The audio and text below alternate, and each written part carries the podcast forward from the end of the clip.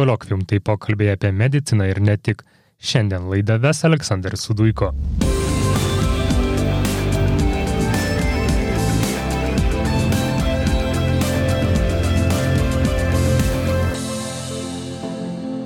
Artėja metai, kai gyvename pandemijos paveiktame pasaulyje. Naujas koronavirusas smogė netikėtai ir stipriai. Ar buvome tam pasiruošę, kaip galime sustabdyti pandemiją ir ar apskritai įmanomas yra mums žinomas iki šiol normalus gyvenimas, bei kokias pamokas išmokome ateičiai. Šiandien koliokvim laidoje Vilniaus universiteto gyvybės mokslų centro mokslininkė, imunologijos ir lastelės biologijos skyriaus vedėja profesorė Aurelė Žvirblienė.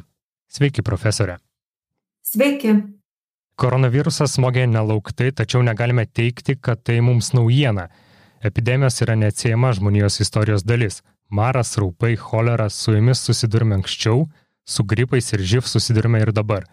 Paskutinė stambiausia globali pandemija, neskaitant vis aktyvaus živ, buvo ispaniškas gripas. Tada prieš šimtą metų lyga pasiglemžė apie 50 milijonų gyvybių. Patirtis kaip ir įspūdinga.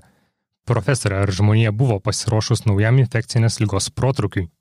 E, tikrai galim sakyti, kad nebuvo, nes tas ispaniškojo gripo pandemijos e, visas pavojus, jisai jau buvo gerokai primirštas, nes tai vyko prieš šimtą metų. Ir turbūt niekas nesitikėjo, kad gali vat užpulti tokio lygio pandemiją. Tai tikrai žmonėje tam nebuvo pasiruošus ir mes matom, kad ir pradžioj buvo padaryta daug klaidų. Vis dėlto šitas virusas yra zoonotinis, jisai yra perduotas iš gyvūnų žmogui ir būtų, jeigu ta grėsmė būtų su, suprasta iš pat pradžių, būtų buvę labai gerai, kad to viruso plitimas būtų sustabdytas pačioj pradžioj, kad virusas nebūtų išplitęs už Kinijos ribų. Bet e, taip neatsitiko ir mes dabar turim tokią situaciją, kokią turim. O jinai yra iš tiesų panaši į ispaniškojo gripo situaciją, nes tada irgi virusas plito visam pasauliu, buvo laikomasi karantino, žmonės dėvėjo kaukės, statė lauko ligoninės. Kai mes pasižiūrim kronikos nuotraukas iš tų šimto metų senumo įvykių, tai iš tiesų matom, kad labai panašiai viskas vyko. Mhm. Jūs sakote, kad tada irgi buvo karantinai, buvo atsirado kaukės. Kaip dar žmonės kovojo prieš tą virusą, prieš pandemiją, prieš šimtą metų?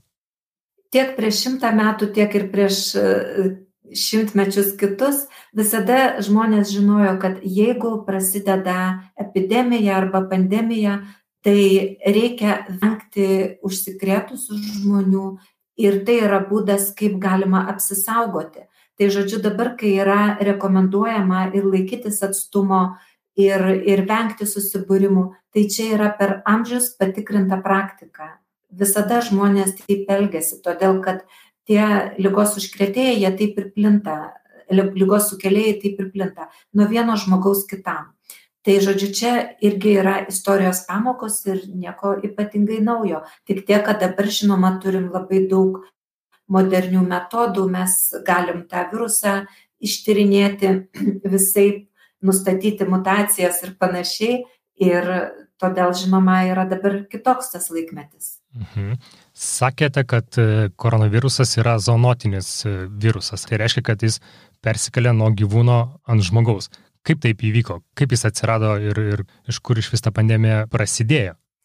Tai va čia ir yra e, pavojingumas to viruso, kad jo iki šiol tiesiog nebuvo žmonių visuomeniai, jisai cirkuliavo tarp gyvūnų ir esant kontaktui tarp gyvūno ir žmogaus, ir čia konkrečiai yra manoma jau beveik patvirtinta, kad e, būtent iš, iš šikšnosparnių peršoko tas virusas, tai va jis cirkuliavo tarp šikšnosparnių, po to esant kontaktui šikšnosparnių ir žmogaus, jisai peršoko į žmogų, kitaip sakant, iš pradžių pabandė, nebūtinai žmogaus lastelės yra imlios gyvūnų virusams. Ir nebūtinai tie gyvūnų virusai yra žmogui pavojingi, bet šiuo atveju tas virusas prisitaikė prie žmogaus ląstelių, jisai e, pradėjo daugintis ir tuo būdu žmonės užkrėtė žmonės ir pradėjo plisti, plisti tas virusas ir, ir kilo pandemija. Bet kalbant apie zoonotinius virusus, tai mes žinom tokių virusų, kurie plinta tik tarp gyvūnų. Ir toks pavyzdys yra, pavyzdžiui, afrikinio keulių maro, tai iš tikrųjų yra virusas, kuris žemės ūkiui sukelia didelius nuostolius, bet tas virusas nesidaugina žmogaus organizme, jis yra pavojingas tik tai gyvūnams, tik tai keuliams, šernams, tai vadinasi, nėra grėsmės, kad tas virusas užkrėstų žmogų, tiesiog kiekvienas virusas yra skirtingas.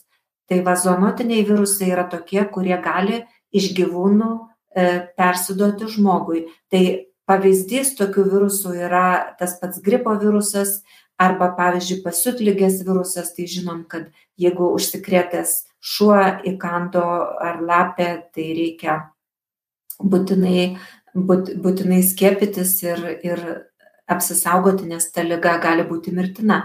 Tai, žodžiu, mes turim tokių zonotinių virusų, kurie persidoda tiek gyvūnams, tiek žmogui. O kaip žmogus yra pasiruošęs tokiam virusui? Kaip reaguoja žmogaus imuninė sistema į tą nežmogišką virusą, taip sakant?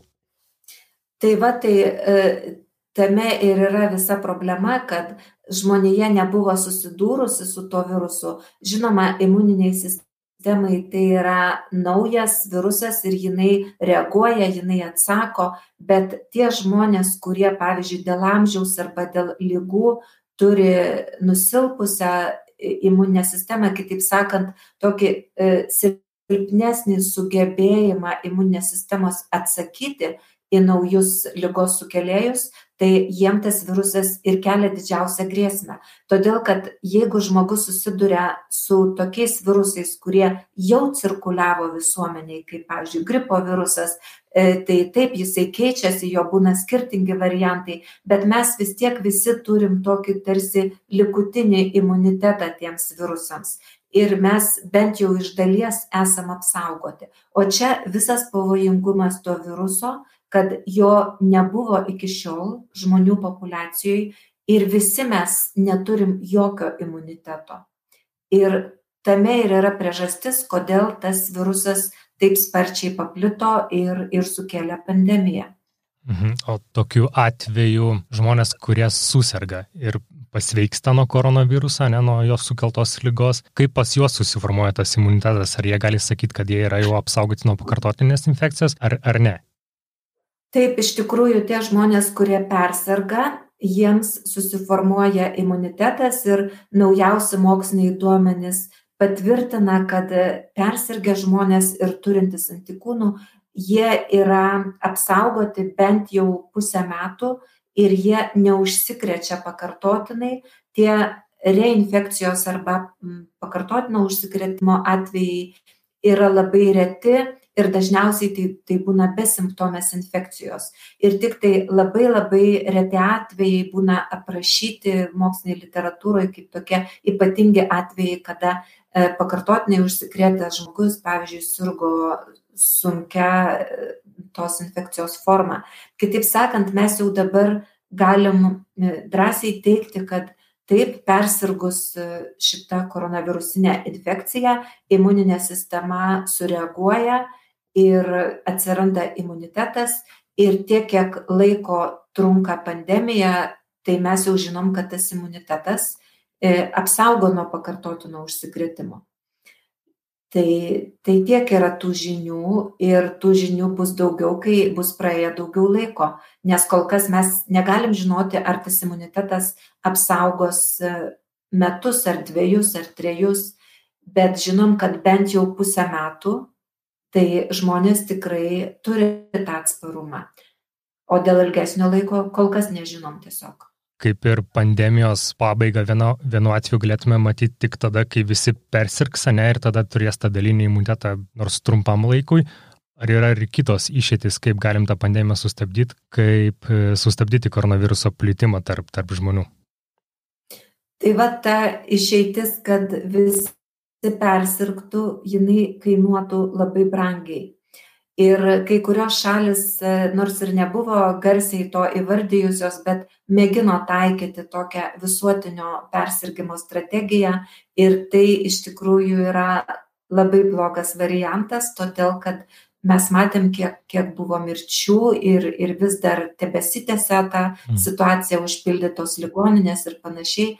Tai, žodžiu, nuo šito viruso vis dėlto mirštamumas siekia apie vieną procentą. Kitaip sakant, vienas iš šimto žmonių užsikrėtusių šito virusu e, turi riziką sirgti sunkiai ir mirti. Tai įsivaizduokit, jeigu globalių mastų būtų taikoma tokia persirgymo strategija, tai iš tikrųjų e, labai, labai brangiai kainuotų daug žmonių gyvybių. Tai vienas būdas įgyti imunitetą yra persirgti, o kitas būdas yra pasiskiepyti. Ir todėl mes šiandien kaip tik ir kalbam apie vakcinas, kurios e, teikia vilties, kad sukurs tą imunitetą, kolektyvinį imunitetą ir tai sustabdys viruso plitimą. Todėl ir, todėl ir daug kalbama apie tą vakcinacijos reikalingumą. Mhm. Dar vakcinas truputį palikim, grįžkim prie pačio viruso. Sakėt, kad e, mirštamumas yra apie vienas procentas. Kaip yra palyginus su kitom infekciniam lygom, ar tai yra daug ar mažai, pavyzdžiui, su gripu, jeigu lyginsim, ar... Tai yra, tai yra, taip, jeigu lygintume su gripu, tai yra e, keliasdešimt kartų, bent jau dvidešimt kartų didesnis mirštamumas. Aišku, tų gripo irgi visokių variantų e, atsiranda ir gali būti, kad e, gripo tam tikri variantai gali būti labai pavojingi. Vėlgi, jeigu prisimintume tą ispaniškąjį gripą prieš šimtą metų, tai ten turbūt panašus tie mirštamumo rodikliai buvo apie vieną procentą ar daugiau. E, dabar sunku pasakyti iš tos istorinės perspektyvos. Jeigu kalbėtume apie tokius virusus, kurie laimiai Europoje neplinta, pavyzdžiui, ebolos e, virusas, tai mirštamumas nuo jo ten siekia daugiau nei 50 procentų, arba kiti koronavirusai tokie, kurie plito anksčiau, pavyzdžiui, SARS pirmasis, tai nuo jo mirštamumas buvo apie 10 procentų, o MERS virusas, kuris plito e, gana irgi ribotoj teritorijoje ir, ir ne, neišplito tiesiog tas virusas taip plačiai, tai nuo jo mirštamumas buvo apie 30 procentų. Žodžiu, mes dabar žinom, kad tie koronavirusai irgi jie gali būti labai pavojingi nes kaip sakoma vienoj šeimoj gali būti e, blogi vaikai ir, ir geri vaikai. Tai, tai yra va tokių labai pavojingų virusų, bet yra ir visiškai nepavojingų, nes visuomenė jau cirkuliavo ir cirkuliuoja iki šiol keturi žmogaus koronavirusai, kuriuos mes net neįtariam, kad jie yra mūsų aplinkoje, nes jie sukelia labai lengvas tokias peršalimo lygas ir, pavyzdžiui, vaikai nuolat persirga tais koronavirusais, pavyzdžiui, darželį lankydami, bet tai yra tokie būtent nepavojingi tos koronavirusų šeimos nariai. O šitas virusas dabartinis, jis vis dėlto yra ganėtinai pavojingas. Mhm. Kalbėjote apie pirmą SARS ir apie MERS koronavirusą. Kas apsprendžia viruso plitimą, nes tos epidemijos buvo gana ribotos, ar tam tikrą teritoriją tai paveikė? Taip, tai daugiausiai viruso plitimą apsprendžia paties viruso savybės. Ir tie virusai SARS-1 ir MERS, jie žymiai silpniau jungiasi su žmogaus ląstelių receptoriais. Kitaip sakant, jie e, mažiau efektyviai įlyzdavo į žmogaus ląsteles. O šitas virusas e, SARS-CoV-2, jisai e, labai gerai, labai stipriai jungiasi prie mūsų ląstelių. Taip galima vaizdžiai būtų palyginti tuos ląstelių receptorius tarsi su kokiais varteliais. Ir būtent tas dabartinis koronavirusas labai lengvai tuos vartelius atsirakina. Kitaip sakant, lengvai užkrečia mūsų ląsteles. Ir jis netgi keičiasi dar labiau prisitaikydamas dar lengviau užkrėsti žmogaus ląsteles. Ir dėl tos savybės jisai taip stipriai ir išplito. Tai, tai yra turit... tiesiog tokia šio viruso biologija. Tai jūs jau turėt, turit minti mutacijas šito viruso. Taip, aš turiu omeny mutacijos, kurios yra užfiksuotos tiek Junktiniai karalystiai, tiek Pietų Afrikos Respublikoje.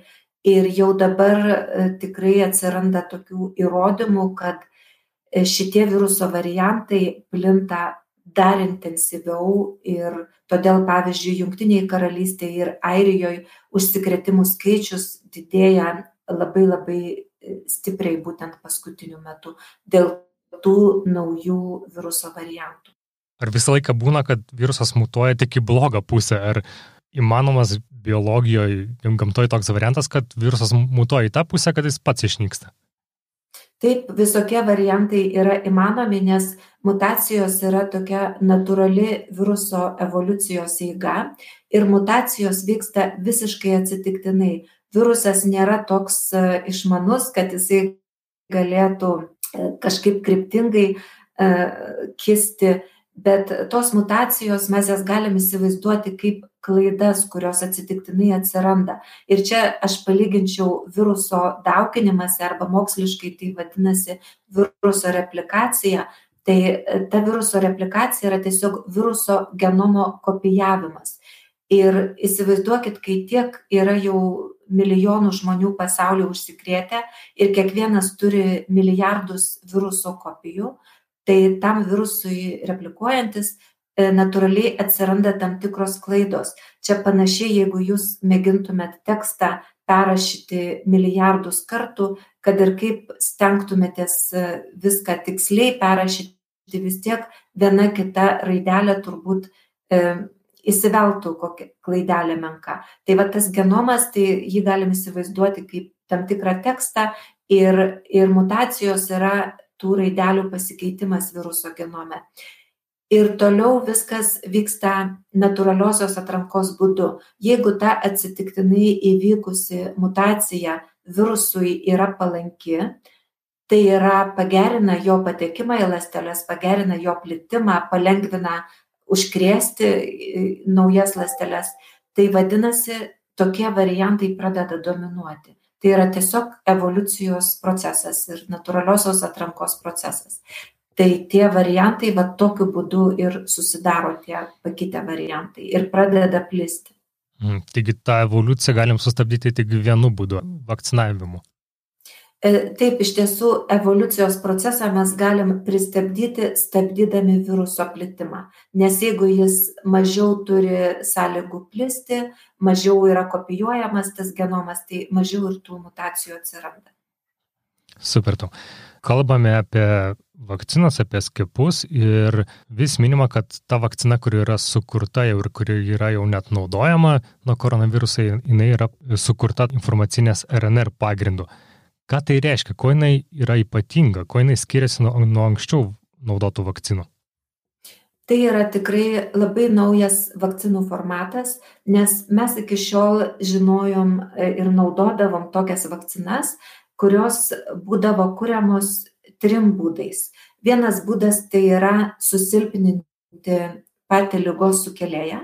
Tokios vakcinos pavyzdys yra, pavyzdžiui, timų vakcina arba rotaviruso vakcina kai e, ten yra virusas gyvas, bet jis nesukelia lygos, bet jis vis dar yra gyvas, tik susilpnintas. E, kitaip sakant, paskiepytas žmogus tarsi persirga besimptomę infekciją. Ir to, tokie virusai nukenks, nu, susilpninti tiksliau, jie tikrai sukelia e, stiprų imuninį atsaką ir tas atsakas netgi visam gyvenimui susidaro. Kitas variantas yra tiesiog nužudyti, užmušti tą lygos sukėlėją. Tai taip, pavyzdžiui, yra kuriama gripo e, viruso vakcina, kai gripo virusas yra e, tam tikrom cheminiam medžiagom tiesiog nužudomas, gyvo viruso ten nėra, bet jis sukelia imuninį atsaką, nes jis imituoja tą gyvą virusą, bet nes jokių būdų jis negali sukelti lygos. Ir trečias variantas, kuris yra toks naujesnis, nes tie pirmi du, tai jie yra jau naudojami E, daugiau nei 60 metų ir apskritai pačios pirmosios vakcinos tai buvo prieš 200 metų išbandytos e, va būtent su tokiais susilpnintais virusais. O tas naujesnis apie 30 metų naudojamas formatas yra vadinamosios rekombinantinės vakcinos, kurios yra kuriamos genų inžinierijos metodais, kai yra tiesiog e, sukūriamas tam tikras komponentas to lygos sukėlėjo. Pavyzdžiui e, iš kokio hepatito B viruso yra paimamas tik tai baltymas, kuris formuoja e, viruso kapsidę arba jo tą pavydalą, tokį panašų į virusą. Ir tas vienintelis viruso baltymas, jisai sukelia apsauginį imuninį atsaką. Iš bakterinių vakcinų tokiais metodais yra kuriamos, pavyzdžiui, meningokoko B vakcinos. Tai yra rekombinantiniai viruso baltymai, tai yra šiuo atveju bakterijos baltymai rekombinantiniai kuriami genų inžinierijos metodais. Jie imituoja irgi tą lygos sukėlėją ir, ir sukelia apsauginį imuninį atsaką. Bet šiuo atveju nėra pačio lygos sukėlėjo. Tai va, tai tokie tie trys žinomi formatai, kurie buvo naudojami iki šiol. Ir tai, ką dabar turime, būtent šito viruso atveju, yra visiškai naujas formatas, kai yra paimta molekulė ribonukleino rūgšties arba RNR molekulė, kuri koduoja viruso baltymą. Ir ta RNR molekulė pirmiausia turi patekti į žmogaus lastelę ir nuo tos rnr molekulės yra nurašomas viruso baltymas kitaip sakant viruso antigenas. Ir tas antigenas sukelia imuninį atsaką. Kitaip sakant mes neskiepijam jau gatavų baltymų viruso antigenų bet mes įvedam rnr molekulę nuo kurios yra tas baltymas nurašomas. Ir jis sukelia imuninį atsaką va taip veikia šita vakcina visuomeniai kilo abejonių dėl šitos vakcinos gamybos greičio, nes kiek domėjausi, greičiausiai iki šiol sukurta vakcina buvo nuo keulytės, gaminimas truko apie keturis metus, dabar realiai artėjom gal prie metų, 2020 m. sausį pradėta pradėti tyrimai dėl, dėl vakcinos gamybos.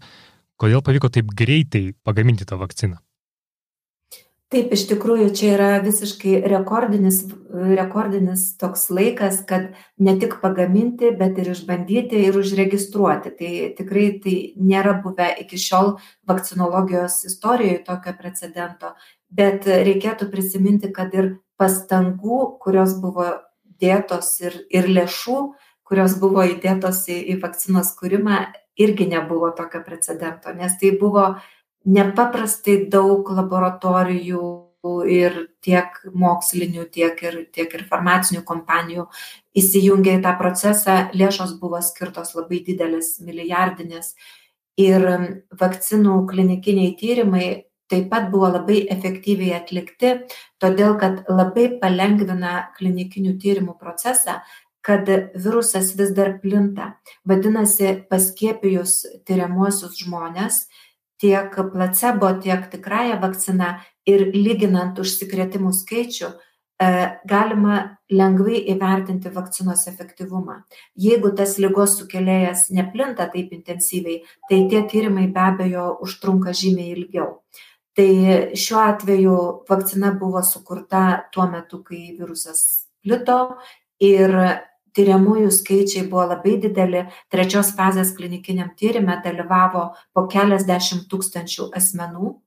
Ir dar kas svarbu kad registracijos procesas irgi vyko labai efektyviai ir labai greitai nes registracija irgi užtrunka dažnai bent kelis mėnesius ar netgi metus ar daugiau negu metus.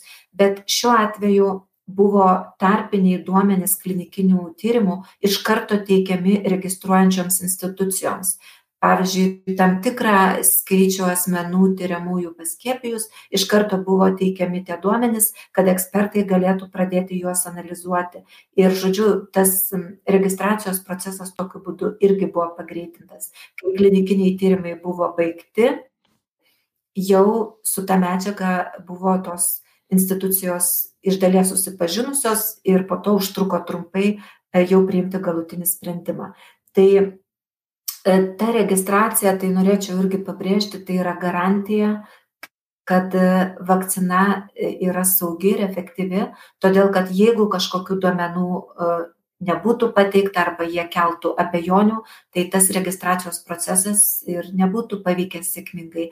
Ten dirba nepriklausomi ekspertai, ir tikrai nėra taip, kad jie savo reputaciją rizikuotų ir bandytų užregistruoti vakciną, dėl kurios kyla kažkokiu abejonių.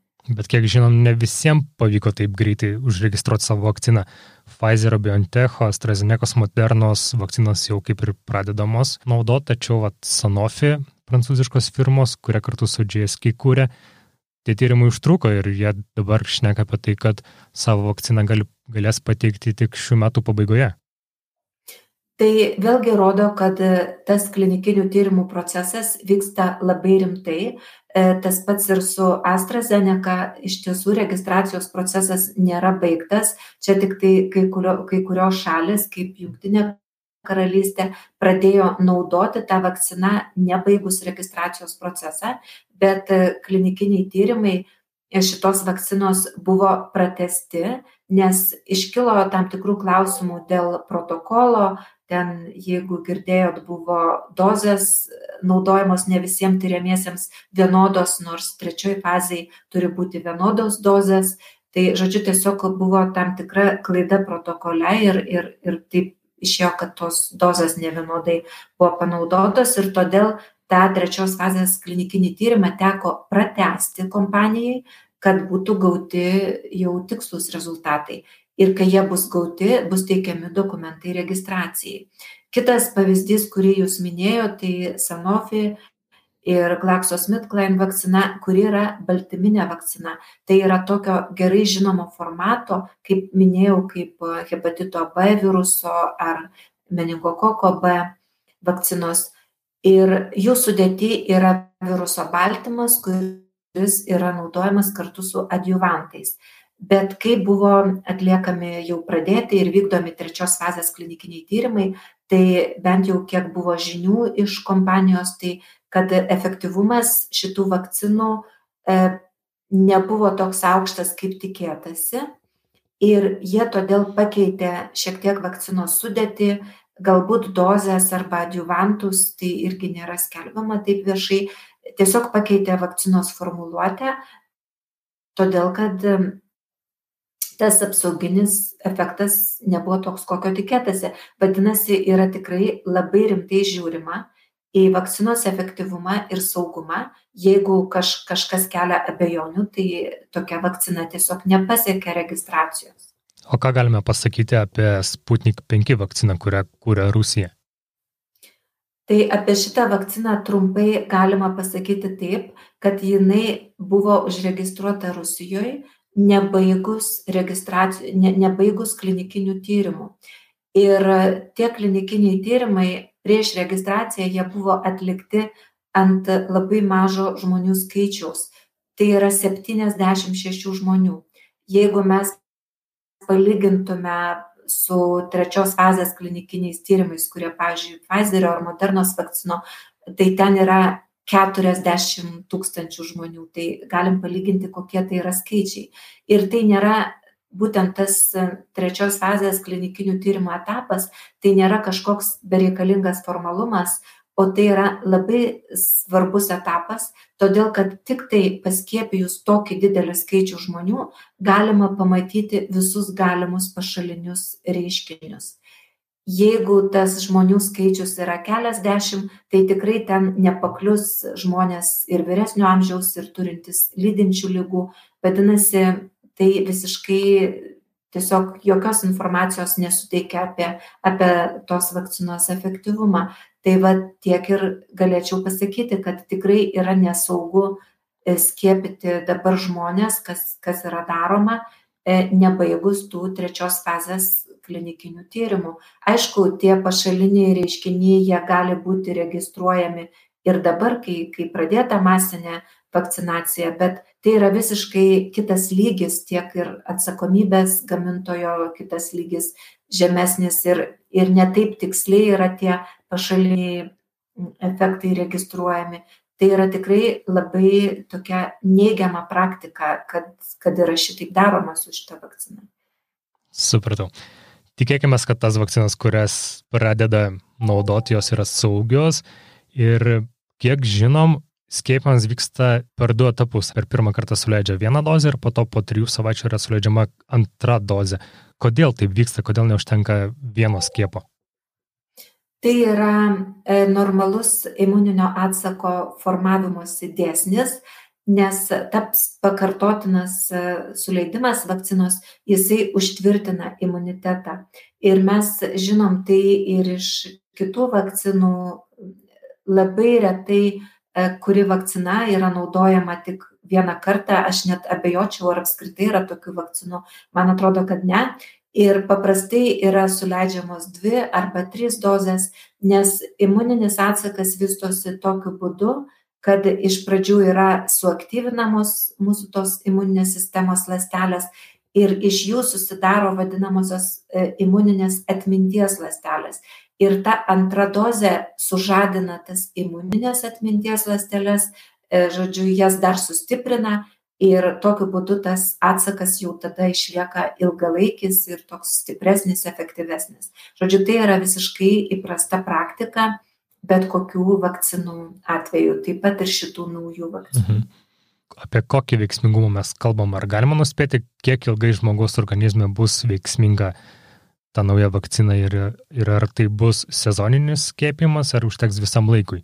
Kaip mes ruošiamės, ar tos koronaviruso pandemijos jos kartosis ateityje, ar, ar tai vat, yra toks mm, vienkartinis reikalas? Iš tikrųjų, tai yra kol kas dar toks e, klausimas, į kurį nėra galutinio atsakymo, nes mes kol kas galim remtis tik tai tais trečios fazės klinikinių tyrimų rezultatais. Ir jie rodo, kad e, tuo laikotarpiu, kol buvo vykdomi tie klinikiniai tyrimai, tai iš tikrųjų ta vakcina paskiepyta dviem dozėm, jinai apsaugo nuo pakartotino užsikrėtimo labai efektyviai ir tas efektyvumas yra 95 procentai. Aš paaiškinsiu, ką tai reiškia. Kaip ir sakiau, vakcinos klinikiniam tyrimė buvo vieni žmonės, maždaug pusė žmonių paskiepyta e, tikrąją vakciną ir pusę paskiepyti placebo. Ir tas skaičius vienoje ir kitoje grupėje buvo virš 20 tūkstančių ir toj grupėj kurie buvo paskiepyti placebo buvo užregistruota virš šimto šešiasdešim užsikrėtimo atvejų o toj grupėj kur buvo paskiepyta tikrąja vakcina buvo užregistruoti aštuoni užsikrėtimo atvejai. Ir be to toj grupėj kurie tikrąja vakcina buvo paskiepyti nebuvo nei vieno rim rimto tokio komplikuoto infekcijos atvejo arba mirties atvejo. Kitaip sakant taip ir buvo paskaičiuotas tas efektyvumas labai aukštas 95 procentų. Ir e, tai reiškia, kad vakcina tikrai apsaugo nuo užsikrėtimo. Dabar klausimas, ar jinai apsaugos po metų ar po dviejų, jisai kol kas yra neatsakytas, todėl kad vakcinos klinikiniai tyrimai prasidėjo vasarą, konkrečiai iš tos Pfizer vakcinos prasidėjo Liepos mėnesį tai vadinasi dabar mes turim duomenis maždaug pusės metų bet be abejo kad tie paskiepyti žmonės jie bus stebim stebimi dar dvejus metus. Tai irgi toks yra tarsi to klinikinio tyrimo e, pratęsimas ir bus stebima pavyzdžiui ar antikūnai išlieka jų kraujyje ir tada tų duomenų bus daugiau praėjus ilgesniam laikui. E, tai todėl niekas niekaip negali sumodeliuoti kad ta vakcina pavyzdžiui paskiepijus tiksliau, kad tas apsauginis imunitetas išliks ar metus, ar dviejus, mes tik tai galim tikėtis, kad išliks, bet neturim įrodymų. Mūsų tikslas yra paskiepyti 70 procentų populacijos. Taip, taip, norėtųsi, e, jeigu tiek būtų paskiepita, tai e, tai turėtų sustabdyti viruso plitimą.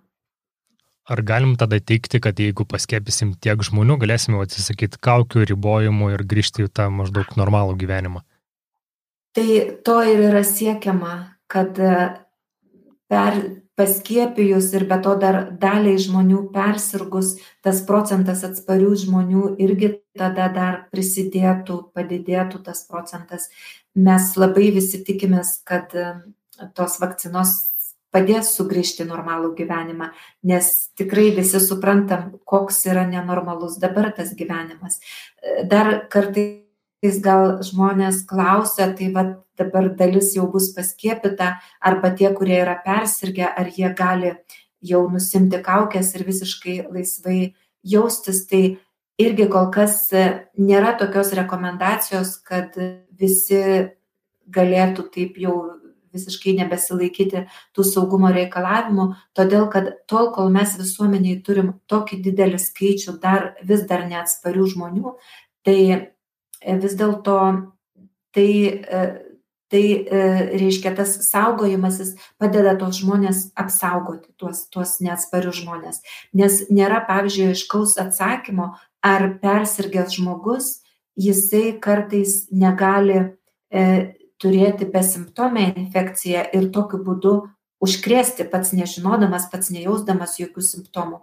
Ir dėl tų paskiepytų žmonių irgi tas klausimas toks yra dar neaiškus. Tai dėl tų priežasčių mes turim pirmiausia paskiepyti didelę dalį visuomenės ir ypač tas rizikos grupės ir tik tada jau galim galvoti, kad nebe, nebesisaugotume, galbūt jau atšauktume tas mhm. saugojimuosi priemonės. Mhm. Bet dėja matom, kad net ir užklupta antrosios, nepalyginamai didesnės nei pavasarį pandemijos bangos, dalis visuomenės abejoja, ar skiepysis nuo koronaviruso. Ką reikėtų žinoti iš tiem žmonėms apie, apie vakcinas? Kas bus, jeigu mes nepaskiepysim daugumos? Tai va, tai tokia ir bus problema, kad jeigu didelė dalis žmonių išliks neatsparių, tai viruso plitimas nebus sustabdytas ir mes turėsim gyventi tokių apribojimų sąlygomis.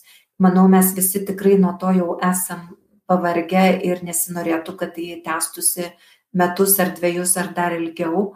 Ir mes turim naudotis tais ginklais prieš virusą, kurie yra. Ir tiesiog tai yra šiuolaikinės technologijos, kurios gali padėti mums išvengti E, tų ribojimų ir, ir, ir tų viruso sukeltų problemų ir mirčių, nes mes matom, kaip dabar atrodo ligoninės, kaip dabar atrodo laidojimo biurai.